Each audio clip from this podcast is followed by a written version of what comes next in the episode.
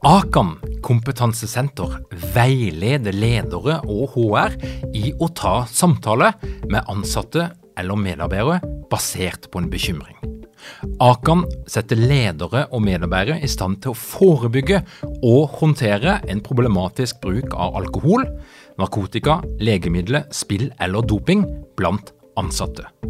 Ønsker du å lære mer om god forebygging og gjennomføring av samtale med en som du er bekymra for? Da kan du nå få tilgang på Akan sitt digitale samtalekurs til spesialpris, kun 760 kroner.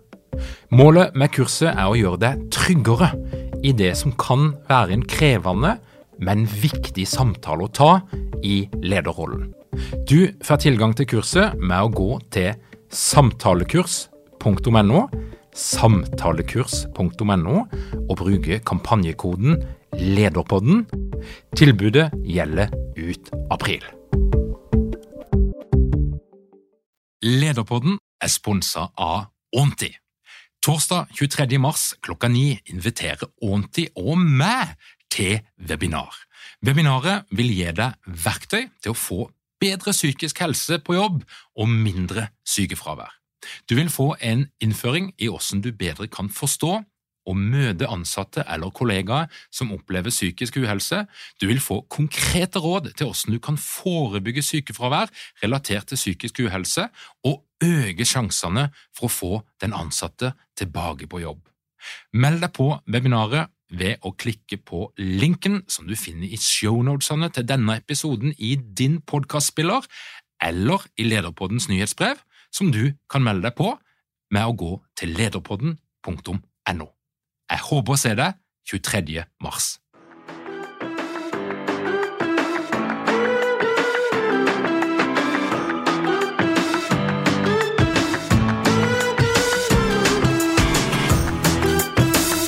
Velkommen til Lederpodden.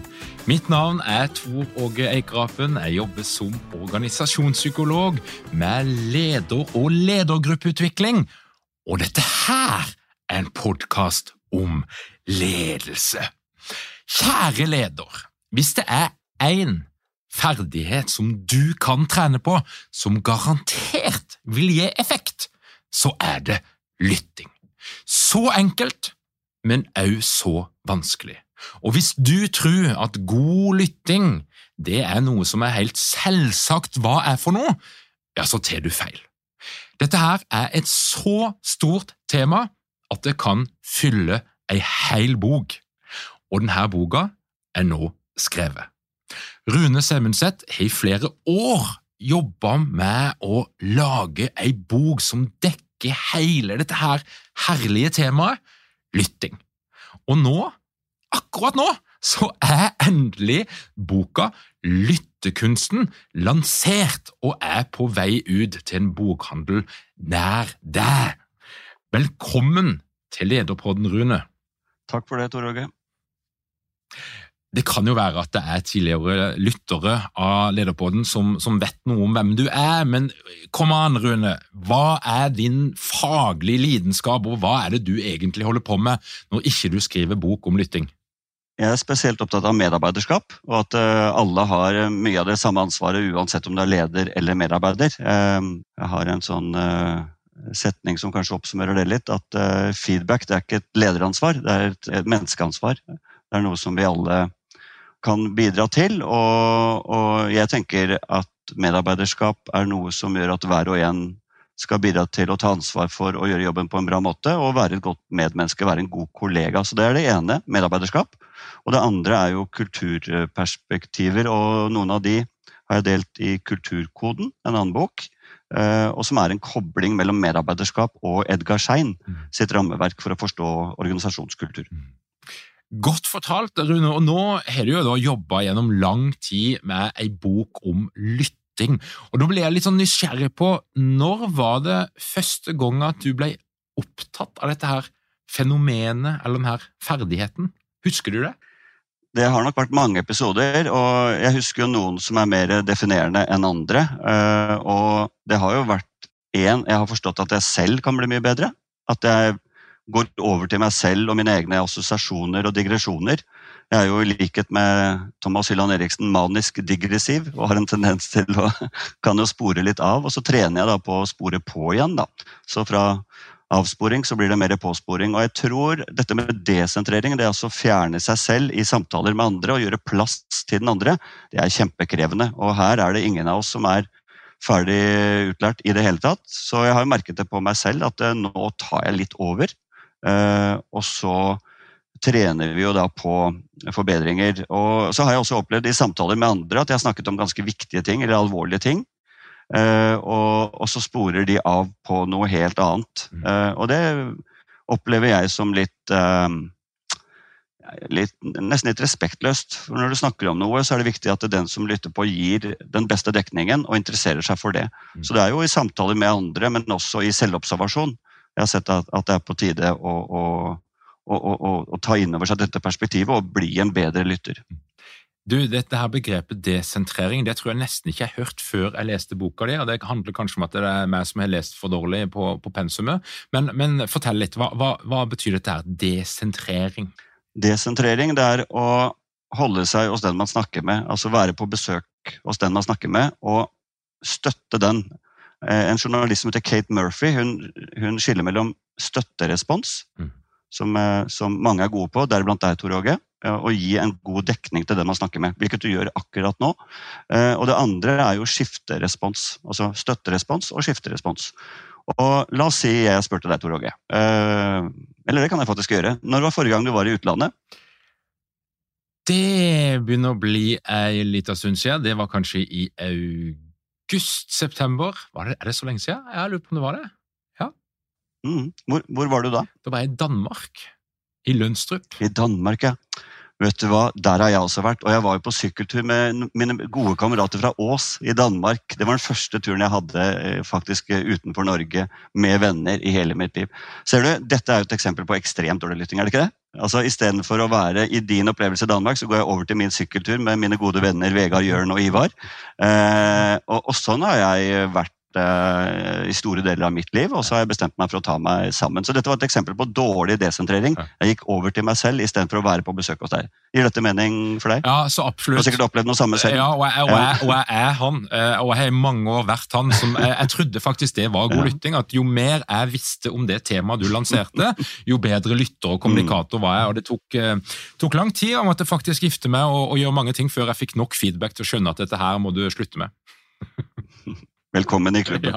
Ja. Det er en stor klubb, og så kan vi alle bli bedre på dette. Men Rune, her er det jo en sånn, her er det en sånn, um, et lite skille, tenker jeg. For det er jo noen som snakker om dette med sosial turtaking. Altså at i en sånn type lunsjsamtale eller en litt overfladisk samtale, så, så, kan det av og til bidra med noe positivt at vi tar litt sånn tur. Jeg forteller litt om min danmarkstur, og så forteller du litt om din danmarkstur, og så er vi tilbake igjen, og så kommer det noen andre inn. Mm. Eh, tenker du at det er et skille her på kontekst, type situasjon, der det faktisk er viktig å eh, desentrere, og andre situasjoner der man kan tillate seg sjøl å hoppe litt fram og tilbake i hverandres historie? Mm. Det handler jo om å gi hverandre den siste dekningen, og kontekst er jo selvfølgelig, avgjørende her. Altså Hvis en psykolog snakker med en person som er suicidal, så, så vil jo egne assosiasjoner fra psykologen kanskje ikke være det viktigste. Eh, er det en uformell prat i et lunsjbord, så er det kanskje fint at begge kommer til orde. Eh, men når du da i en lunsjprat med meg Tor Åge, begynner å prate om dine opplevelser, så kan jo jeg bekrefte at der har jeg også vært, men uten å ta over med et foredrag. Mm. For jeg, jeg, tenker at veldig mange de, de, hører noe, og så er det i sitt eget hode, og så blir det et foredrag på to minutter. Mm. Det er noe annet enn støtterespons. Mm. Så støtterespons er litt sånn mm, Ja, fortell litt mer om det, Tor Åge. Eller hva handler dette om? Og, og, hvis jeg forstår deg rett, Tor Åge, handler dette om Altså reformulere og parafrasere det du hører. Det er eh, det man kan kalle musikalsk kommunikasjon. Men ta over eh, settingen og temaet og holde et foredrag, som mange gjør, mhm. det syns jeg er en uting. Mhm. Det er et sånt godt engelsk ord som jeg liker. Conversation hijacking. Mm. Forklar litt. Hva legger du i det? det er veldig bra. Steike, dette her er Nå snakker vi lytting, altså. Du, nei, det er jo altså når, når noen kommer og rett og slett til over en samtale, stjele en samtale, stjele oppmerksomheten. Eh, det er vel det det betyr, å, å prøve å få flyet til å lande et annet sted enn det du egentlig hadde tenkt. Ja. Den, det kommunikative flyet Det er uheldig. Ja, det er, og så er det jo en kunst at hvis man kommer med en digresjon eller en assosiasjon som er relevant for det man snakker om, så kan det berike. Mm. Men vi må prøve å komme oss tilbake til der vi var, da, så vi har en litt sånn rød tråd i dialogen. Og det er viktigere selvfølgelig i faglige settinger enn den uformelle lunsjpraten som du indikerte i stad. Og så er jo også rollen du har, enten du er lege, psykolog, kamerat eller sykepleier, så er jo konteksten også avgjørende for hvordan den atferden eh, eh, skal være ut fra et optimalt perspektiv. Da.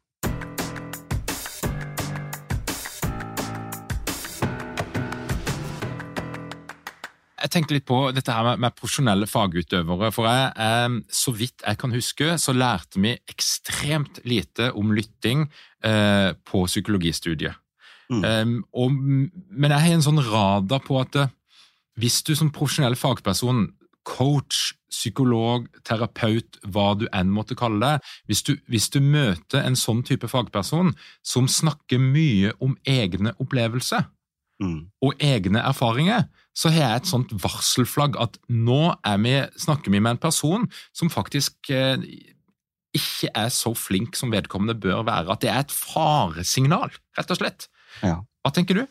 Jo, eh, når vi går inn på det faglige da, og, og, profesjoner, så tenker jeg psykolog Aksel Sinding er et sånt skoleeksempel på en som tar egen medisin. Han har skrevet en bok som heter 'Klok på følelser', sammen med et par andre. Som handler om å validere, bekrefte og forstå. Eh, og la oss si Si til meg nå, Tor Åge, at eh, Rune, eh, vet du hva? Eh, nå har jeg jobbet i et konsulentselskap i flere år, og i går så fikk jeg sparken. Si, si, det til meg. Du, Rune, nå har jeg jobba i et konsulentselskap som du vet, i, i flere år, og, eh, og, i går så, så, fikk jeg faktisk sparken. Ok, ja, Men Tor Åge, det, det, går fint, vet du. Du er jo så flink. Så det ordner seg. Så dette er eh, det man kaller ikke-validering. da. Så både leger, psykologer, eh, ledere kan med fordel forbedre seg på validering. da. Si det, det som ville vært opp, mer optimalt her, ville være Tor Åge, eh, hvordan har du det nå? Mm. Og, og, og, kanskje si noe sånt, men jeg kan forstå at det er vanskelig for deg nå. Hvordan er situasjonen, og, og hva trenger du av meg mm. som, som din venn til å, å, komme videre i dette? Um, hvordan er det å være deg i denne situasjonen? Vil det være en god respons? Og Her nærmer vi oss kanskje noe av konklusjonen i boken Lyttekunsten. At det er jo i responsen selve kunsten skjer. Alle er jo i stand til å høre, men lytting er så mye mer enn å høre. Og det er jo evnen til å respondere som er eh, kunsten. Og Nå hører vi jo allerede at lytting som tema utvider seg til å handle om noe mye mer enn å bare høre. Eh, mm. Og Rune, det, og da blir jo jeg litt nysgjerrig på hvorfor mener du at verden og Norge trenger ei såpass fyldig bok om lytting? Det er fordi det er et uh, viktig tema. Uh, den var kanskje litt obvious. Uh, men det er også et undervurdert tema. Du nevnte dette med psykologstudiet i stad der, der, du opplevde at det var lite fokus på det. Det er litt mer fokus på det nå enn, uh, enn for 20 år siden, eller 10 år siden. Nå skal jeg ikke begynne å fornærme deg, men hvor, hvor lenge siden var det du var psykologstudent? Det er ikke så lenge siden. det er ti år siden jeg var ferdig. Ja, ikke sant? Og da tar vi tilbake den på 20. Det kunne blitt veldig trykket stemning i studio. Men du tok det veldig bra. Du smiler, ser jeg, så dette går veldig fint. Uh, jeg eh, ser at det er noe forbedring innenfor enkelte profesjoner. Men jeg har også snakket med leger om at uh, rammene for lytting er ganske dårlig. For det er veldig stress. Fastlegene har så og så mange minutter per pasient, så rammene for lytting er relativt dårlig. Uh, og uansett hvilket tidsbudsjett du har, så går det an å være mer støttende og vise en kroppsholdning som inviterer til god dialog. Mm. Så, så bare det å ikke multitaske. Eh, forsøke å ha litt blikkontakt. Eh, ikke for lenge av gangen, for da blir folk litt stressa. eh, de sier at 7-8-9 sekunder det er, det er, fint før man da kan skifte og se et annet sted. Eh, jeg tenker at Hvis du hadde nistirra på meg i ett minutt i neste kaffesamtale mellom oss, så hadde jeg blitt litt uh, urolig, kanskje. Så, så, så det å vise med kroppen, eh, at man lytter, det er, det er, viktig for å skape den tilliten i relasjonen. Og så er det jo noe med innsjekk òg, da. Eh, Du, nå har vi 20 minutter. Eh, hva er viktigst for deg å snakke om i dag, kjære kollega? Mhm. Og hva skal til for at du føler trygghet for at det, det vi nå snakker om, blir hos oss? Mhm. Så det er jo en innsjekking som også vil skape trygghet i samtalen, som gjør at vi tør å dele mer. Hvorfor trenger vi boken? Jo, vi trenger både denne type perspektiver. Altså hva skal til, hva er rammene for god lytting? Så trenger vi boken også fordi boken gir oppmerksomhet til hva innebærer det å være en god lytter. Og, og, i boken så har du sikkert sett at det er noe som heter de åtte lyttekvalitetene. Mm. Eh, og en av de åtte er jo desentrering. En annen er jo å vise med kroppsspråk at man er interessert. Jeg har lagt merke til folk som tar telefonen midt i en veldig viktig setning. Jeg syns det er kjempetrist. Enten det er på Lorry eller det er i en medarbeidersamtale, så er det nitrist. Eh, jeg har hørt om ledere som i en medarbeidersamtale har sagt at vet du hva, den samtalen er så viktig, så jeg, men jeg er tilbake om tre minutter. Altså. Det er jo kjempetrist hvis man ikke slår av mobilen når man er i viktige strategiske samtaler, tenker jeg, men også i uformelle samtaler. Så verden trenger denne boken, eller i hvert fall Norge da, trenger denne boken, fordi lytteevnen og lytteviljen i Norge er middels, og ca. tre av fire nordmenn de tenker at de er bedre enn snittet til å lytte. Det regnestykket der det går vel ikke helt opp. Nei. Og Rune, du har jo, du jo jobba med dette prosjektet nå ganske lenge, og vi har Mm. faktisk hatt litt samtale uh, underveis. Jeg har liksom fulgt bitte litt sånn prosessen, Mm. uh, føler jeg. Og så var det en lang periode der du bare jobba, og plutselig så var boka der. Men du, Mm. boka er jo bygd opp rundt dine egne eh, tekster, og i tillegg så har du faktisk med deg en, en rekke gjesteforfattere. Og Mm. min opplevelse er at du har jo hatt et lite forskningsprosjekt her, du. Du har jo gravd ned i lyttelitteraturen og, og gått ganske dypt. Og du har utforska underveis, så det, det har vært et stort prosjekt. Men, men i alt det du da har oppdaga sjøl, og de innspillene du har fått fra dine medforfattere, Mm. hva er det som har overraska deg, med tanke på det utgangspunktet som du hadde, og den nysgjerrigheten som du hadde når du starta på dette her? Hva som overraska meg faglig, eller hva, hva, tenker du på? Faglig? Ja, altså faglig, altså Når du begynte å grave og utforske dette landskapet, så har du jo Mm. stadig oppdaga nye ting, vil jeg anta, og så har du sydd det sammen til ei bok. Men du har jo gjort både din egen oppdagelse, du har fått innspill fra andre, Mm. og hva er det som i dette her materialet som har overraska deg mest, eller som har bidratt til at du har utvikla det? Ja, Det som overrasker meg mest, er etter å ha snakket med en del ledere, det er at eh, dette har ikke vært noe tema i, i, i lederutvikling og medarbeiderutvikling. Eh, I hvert fall i veldig liten grad. Noen har jo fokus på aktiv lytting til en viss grad, men litt eh, overfladisk, kanskje. Eh, og så er jeg overrasket over eh, hvor enkelt det er å gjøre en, eh, få til endringer. Ut fra relativt eh, lite lesing så har jeg plutselig forstått veldig mye mer. Og en av bøkene jeg liker veldig godt, er jo Kate, Murphy sin bok, hun jeg nevnte i stad, som heter You're Not Listening, som er en bestselger. En fabelaktig journalist. Så det overrasket meg hvor, eh, hvor lite jeg visste selv, egentlig, for å starte der. Jeg, visste, jeg ante ikke hva ordet desentrering betydde for to år siden, men nå strør jeg jo om meg med det ordet omtrent daglig. Så det har overrasket meg hvor lite fokus jeg selv har hatt på det. Eh, Og så har det overrasket meg hvor viktig det er. For jeg vet at en del mennesker føler på, på utenforskap, eh, og, og noen av de kan faktisk havne i situasjoner der de har det veldig vondt. Eh, Noen av de kjenner på angst eller føler på at de ikke er betydningsfulle. Noen av de kan i verste fall bli, få suicidale tanker. Eh, Så det som har overrasket meg, er vel sammenhengen mellom hvor viktig dette er, og hvor lite utbrutt dette fokuset er i norsk arbeidsliv. Det er den største overraskelsen eh, for meg. Mm. Og så er det en overraskelse for meg også å se hvor få bøker som finnes på området. Det er bra for meg da, når jeg endelig har fått gitt ut denne boken. Så den, den, ble jo, den ble jo faktisk lansert eh, på Hegnar i dag. Fantastisk. God timing for oss òg. Ja.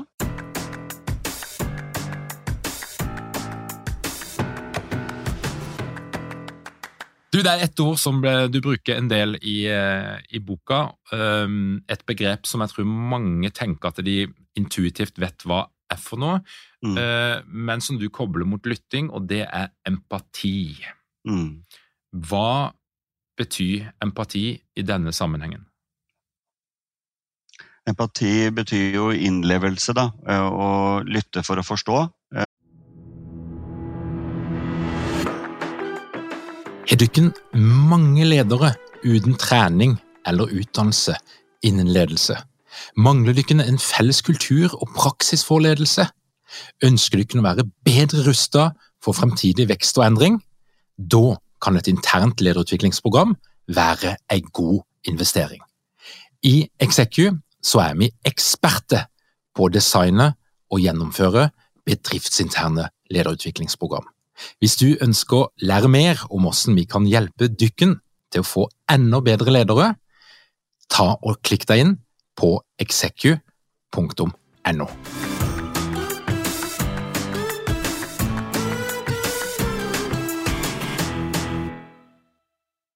En god del mennesker, eh, opplever jeg, lytter for å snakke. Eh, Og kan ikke vente til neste setning er over før de kjører av gårde med sitt foredrag eller miniforedrag. Lytte for å forstå. Det handler jo om å være musikalsk nok i sin kommunikasjon til at vi stiller utdypende spørsmål, Mm. og konsentrert og oppmerksomt få med oss det sender, eller altså den du lytter på, eh, hva den, hva den personen sier. Eh, Så innlevelse er, og empati er nesten synonymer, og det var vel Carl Rogers, som, psykologen, som, eh, som innførte dette med aktiv lytting. Og så har eh, Stephen Covey tatt det litt videre i boken The Eight Habit, der han snakker om lyttestigen, som også du har snakket om i en av dine podkast, Tor Åge. Eh, Der det er fem nivåer, da. Og nivå tre det er selektiv lytting. Du lytter til det du har lyst til å høre, og går videre på det du selv er interessant.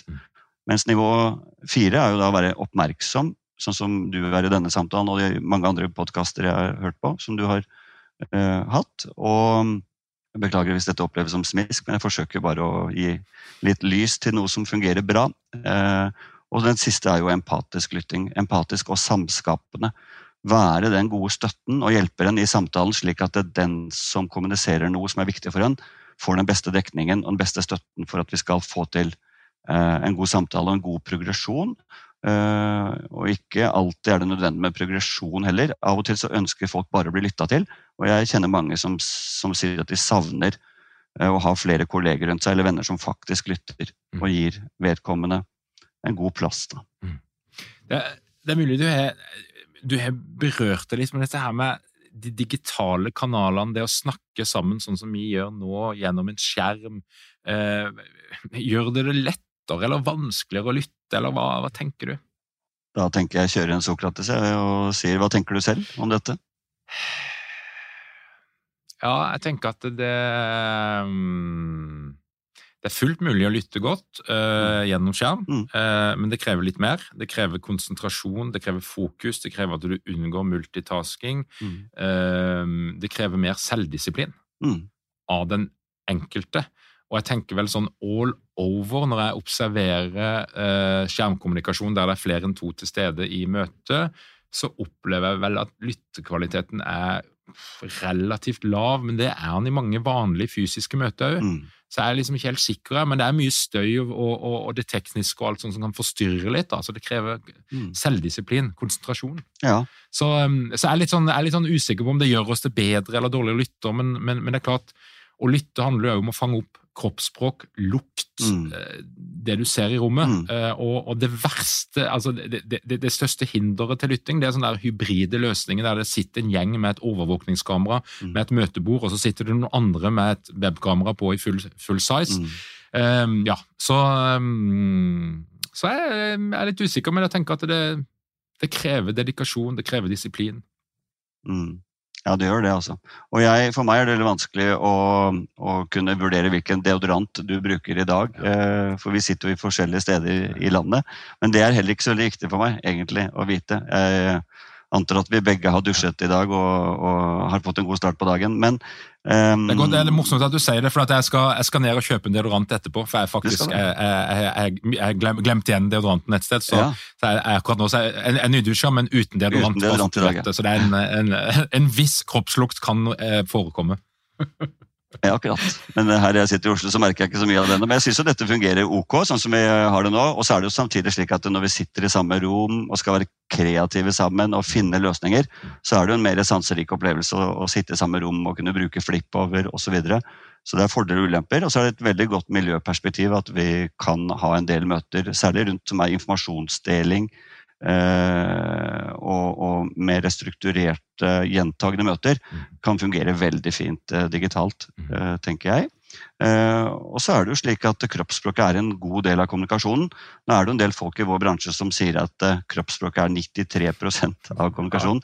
Det er sludder, sludder og vås. Eh, det er en misforståelse av en som heter Merabian, en, en, eh, en doktor, som gikk ut med å sa at når vi ikke er kongruente, altså når det ikke er samsvar, samsvar mellom hva vi tenker og det vi eh, utånder eller sier eller kommuniserer, så kan kroppsspråket være en, god, en betydelig del av kommunikasjonen. Men dette 93 eh, av, av kommunikasjonen er kroppsspråk, det er visvas. Og det har jeg også skrevet litt om innledningsvis i boken.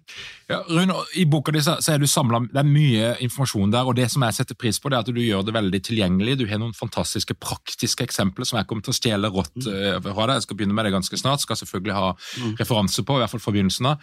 Og, og ehm, det er mange modeller. Mm. Mange modeller.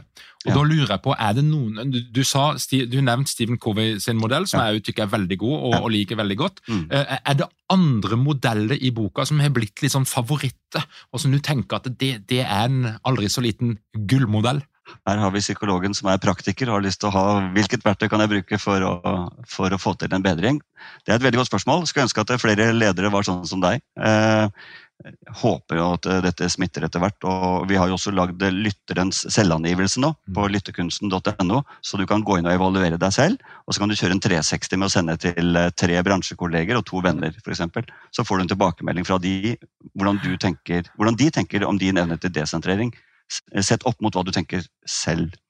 Eh, Men eh, det, den er veldig praktisk. Og den, den eh, Jeg opplevde da Da vi testet dette i forrige uke, vi gikk live med dette i forgårs, eh, jeg opplevde at jeg selv var bedre til å avvente og gjøre plass til den jeg snakket med, enn det mine venner tenker. Så min største evne er nok ikke å gi ro og, eh, og, og, og, tåle stillhet i samtalen. Eh, Jeg er nok mer en sånn jazzimprovisatør som, som, eh, som kan forbedre i forhold til det å gi ro og, og, og en god tilstedeværelse til samtalen. Så det er en, en ting jeg trener på, der jeg fikk dårligere score av de rundt meg enn det jeg ga selv. Og det, det gjorde jo inntrykk på meg. Eh, Og da tenker jeg at her skal jeg bli bedre. Det viktigste verktøyet, eh, når det er det du spør om, det er et verktøy som heter korps. Og korps det er en forkortelse Nå er ikke korpsmusikk min favorittmusikk, men, eh, men, men det er klart, korps er en god metafor for samspill. Eh, Og korps er da en huskeregel som du kan ta med deg inn i selvobservasjon i forhold til hvordan du er selv. K-en det står for eh, kroppsholdning, eller altså hvordan du på en måte lytter med hele deg. Med øyer og smil, og, og, og vender deg mot den du snakker med.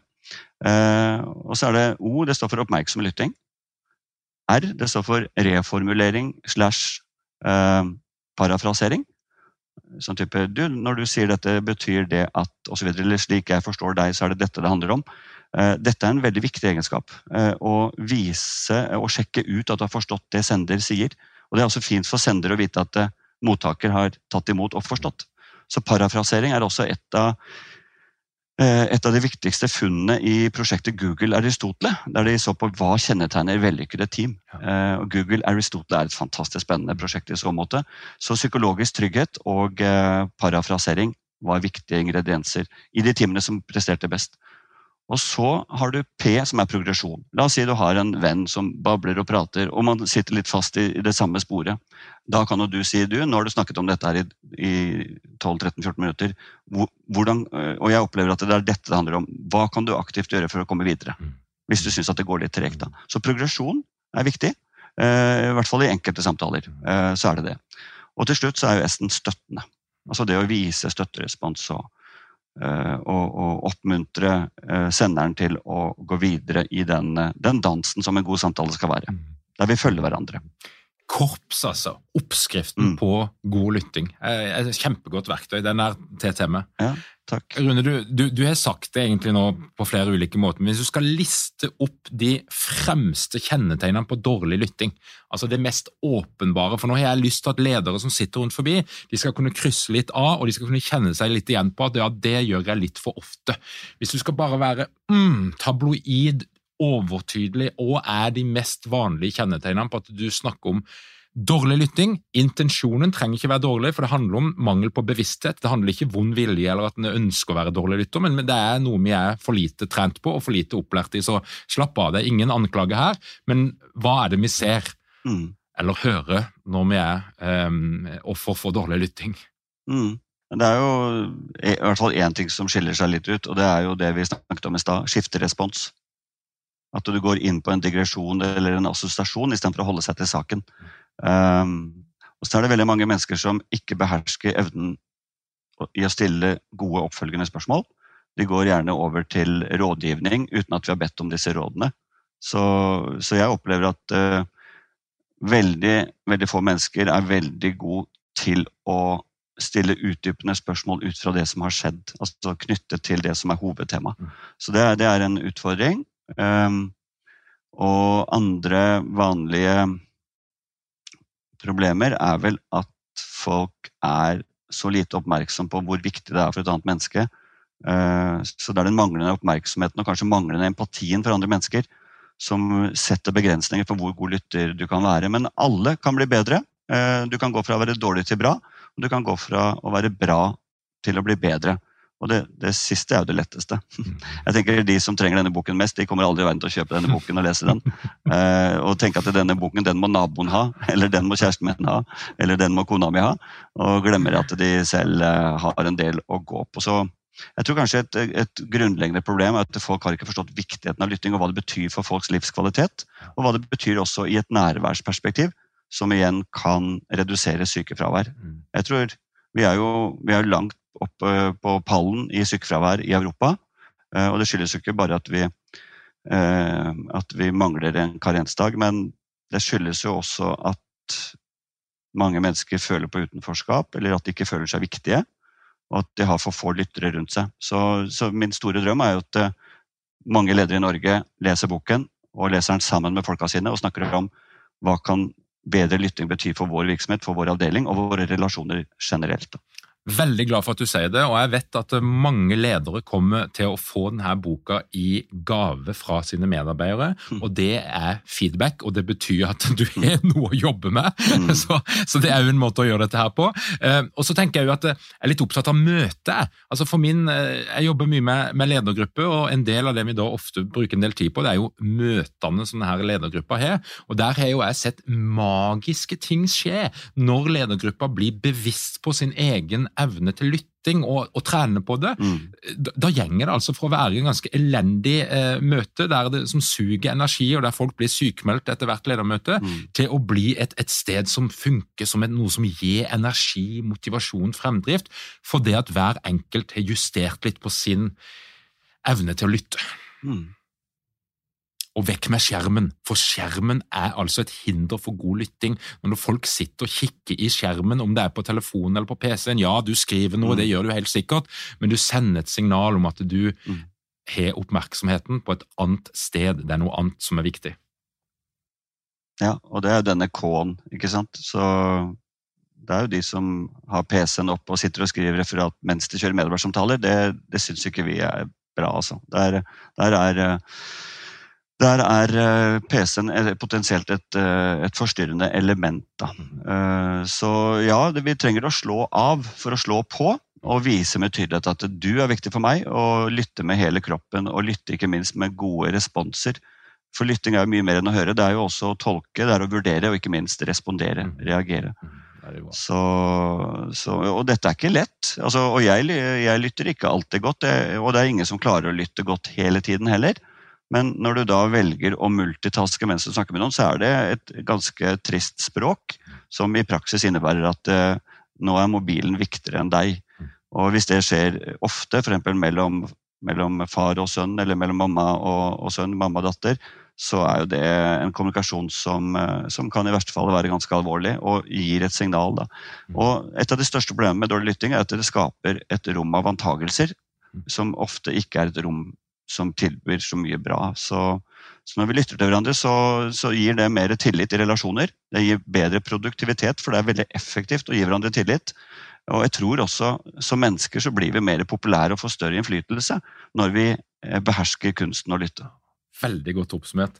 Rune, kan du gi noen sånne konkrete råd til ledere som ønsker å bli bedre på å lytte? Hvor skal de begynne hen? Hvordan trener du på denne type kommunikative ferdigheter? Da anbefaler jeg folk å gå på Lyttekunsten og kjøre en helt gratis eh, selvangivelse. Der du scorer deg selv på de åtte lyttekvalitetene.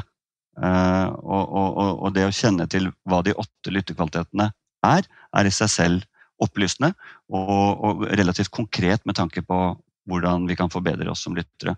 Så det er steg én. Eh, to, jeg håper jo virkelig at det er mange har lyst til å lese boken og kjøpe den. Så det er, det er helt ubeskjedent etter råd fra min side.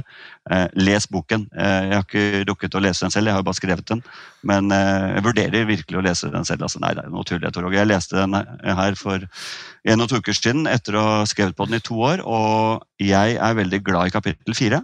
Eh, for der er det konkrete verktøy og metoder, som f.eks. korps, eh, men også hva som ligger til grunn for, for, den. Der viser du fram boken, ja. Det er godt å se at du har den, Tor Åge. Og den ser ut som den er bladd i også. Dette er, eh, dette, er, dette er, godt å se. Så ja, hvis jeg skal anbefale noen å lese i boken, så er det kapittel fire som kanskje er viktigst. Mm. For der finner du de praktiske metodene og verktøyene som jeg håper og tror vil, vil bidra. Og så er det selvfølgelig veldig viktig at alle både ledere og medarbeidere ber om feedback. Uh, og, og, og, det å få tilbakemeldinger er jo helt gratis. Uh, og jeg pleier å spørre når jeg er i møter sammen med kolleger hos kunder, så pleier jeg å spørre hvordan opplevde du møtet? Uh, hvordan agerte vi sammen? I hvilken grad klarte vi å fange opp det kunden eller vår samarbeidspartner sa var viktigst? Um, hvordan kan vi bli enda bedre på dette? Så, så, det å be om feedback er også utrolig viktig. og vi kan trene i triader eh, uten at konsulenter er med på, på, på lasset. Eh, leder, medarbeider, observatør. Og så kan man gå inn og ut av disse rollene og gi hverandre tilbakemeldinger basert på de åtte lyttekvalitetene. Mm. Så trening, workshops, fokus. Mm. Og høre på lederpodden til Tor Åge Eikerapen, selvfølgelig.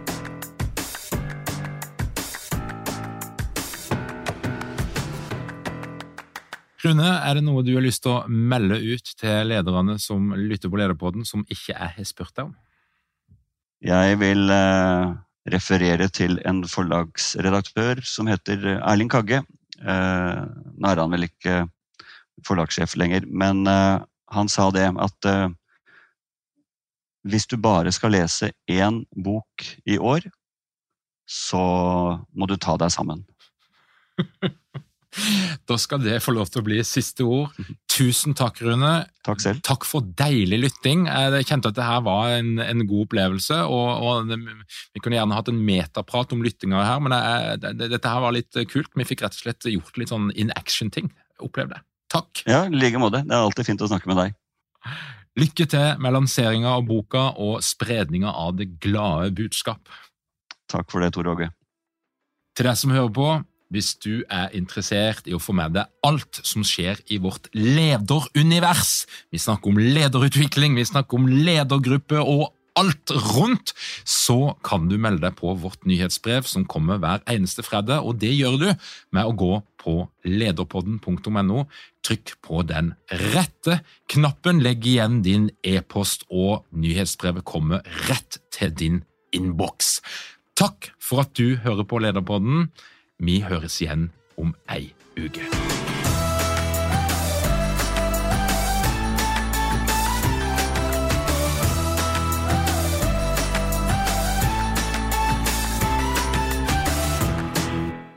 Lederpodden er gitt til deg av Execu.